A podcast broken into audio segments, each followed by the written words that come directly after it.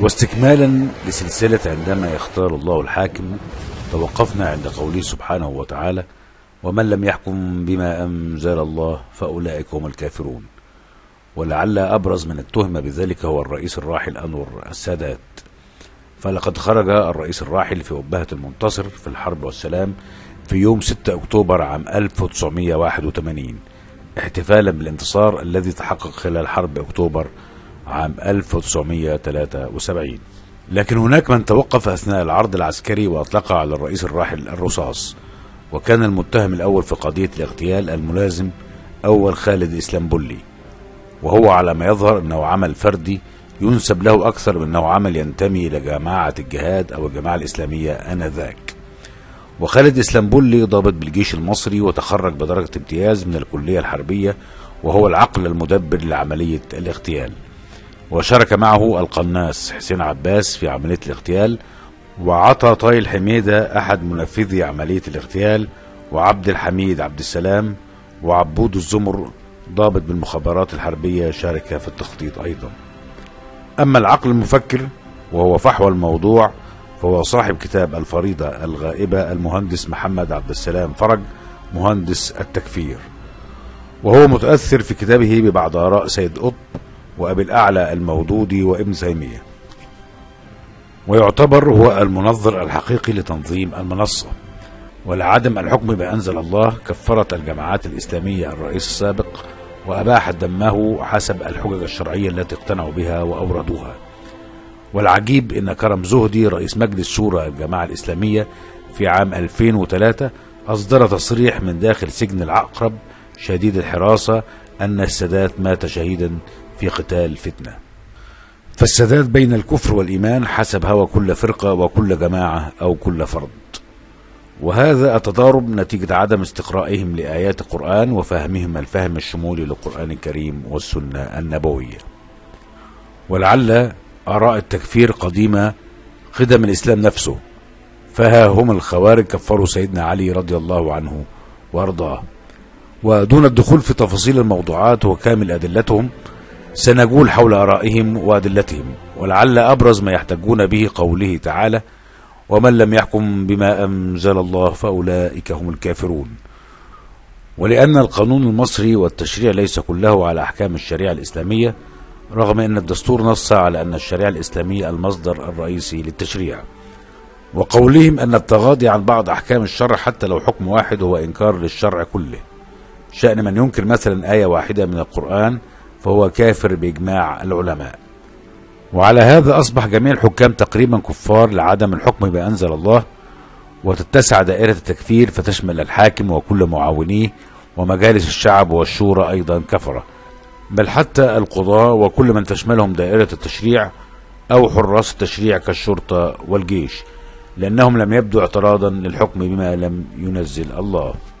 وذلك لقوله تعالى ولا تركنوا إلى الذين ظلموا فتمسكم النار وما لكم من دون الله من أولياء ثم لا تنصرون فيروى عن الإمام أحمد بن حنبل حينما كان مسجونا في محنة خلق القرآن سأله السجان عن الأحاديث التي وردت في أعوان الظلمة فقال له الأحاديث صحيحة فقال له هل أنا من أعوان الظلمة؟ فقال له لا لست من أعوان الظلمة إنما أعوان الظلمة من يخيط لك ثوبك من يطهو لك طعامك ومن يساعدك في كذا وكذا. أما أنت فمن الظلمة أنفسهم. وروي أيضا أنه جاء خياط إلى سفيان الثوري فقال إني رجل أخيط ثياب السلطان وكان السلطان ظالما. هل أنا من أعوان الظلمة؟ فقال سفيان بل أنت من الظلمة أنفسهم ولكن أعوان الظلمة من يبيع منك الإبرة والخيوط. لكن العجيب من قتلوا السادات قتلوه وحده وكان في متناول أيديهم باقي الظلمة وأعوان الظلمة لكن قتلوه وحده. فهل هو ثأر شخصي أم هي الكراهية؟ وفي الحقيقة أن موجه البشر والشعوب هو الحب والكراهية في المقام الأول ويغطون ذلك بالحجج المنطقية. فالحب والكراهية تبدأ من القلب الذي بدوره يعطي الأوامر للعقل للبحث عن الأدلة المنطقية أو الشرعية التي تعضد الكراهية أو الحب. ولقد استغل الحزب النازي هذه الخاصية بامتياز وصعد بها من التدني إلى زمام الأمور والحكم في ألمانيا. ذلك ببث الكراهية في الشعب الألماني بمعاهدة فرزاي التي بها ظلم الشعب الألماني. المعاهدة التي أسدلت الستار بصورة رسمية على وقائع الحرب العالمية الأولى. والذي يؤكد سبحانه وتعالى على ذلك بقوله ولا يجرمنكم شنآن قوم على ألا تعدلوا. أي لا تجعلوا الكراهية تحول بينكم وبين العدل فتكونوا ظالمين. لكن قال الله تعالى أيضا ومن لم يحكم بما أنزل الله فأولئك هم الفاسقون. ومن هنا نفهم أن ليس كل من لم يحكم بما أنزل الله كافرون. فهناك مرتبة أدنى وهي الفسق. ومثال ذلك تارك الصلاة. فهل كل من ترك الصلاة كافر على أي حال لقول النبي محمد صلى الله عليه وسلم بين الرجل وبين الكفر والشرك ترك الصلاة؟ أخرجه مسلم في صحيحه.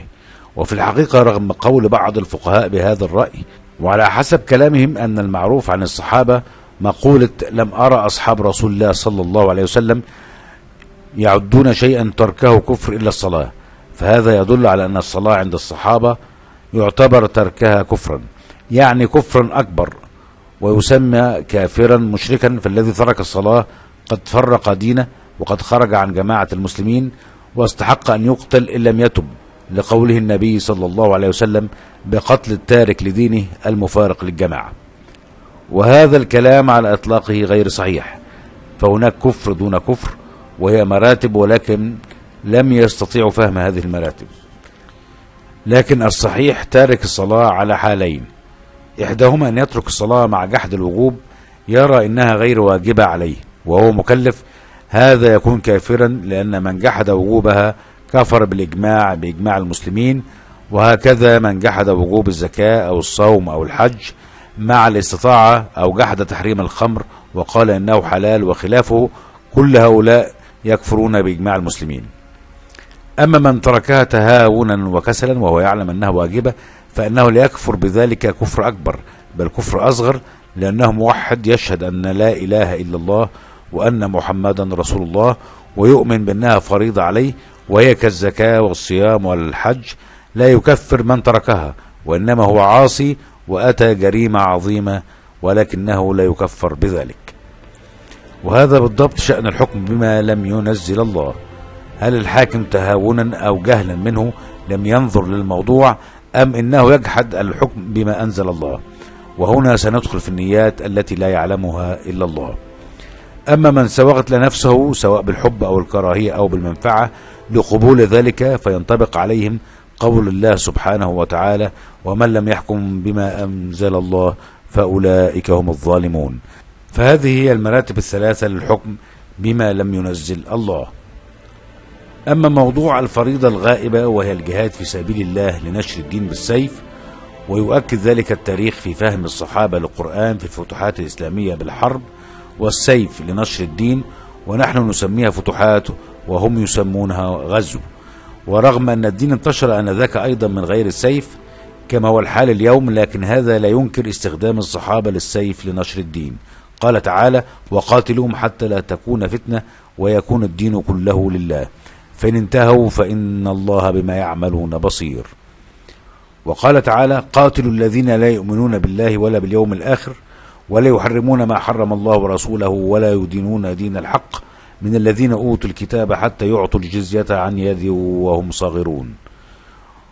وكيف هذا يتفق مع قوله سبحانه وتعالى لا إكراه في الدين قد تبين الرشد من الغي فمن يكفر بالطاغوت ويؤمن بالله فقد استمسك بالعروة الوثقى لا انفصام لها والله سميع عليم. فكيف التوفيق بين هذا وذاك؟ وكيف الخروج من هذا المأزق؟ هذا ما سوف نتناوله لاحقا إن شاء الله. دمتم على خير وتابعونا في الفصل التالي إن شاء الله.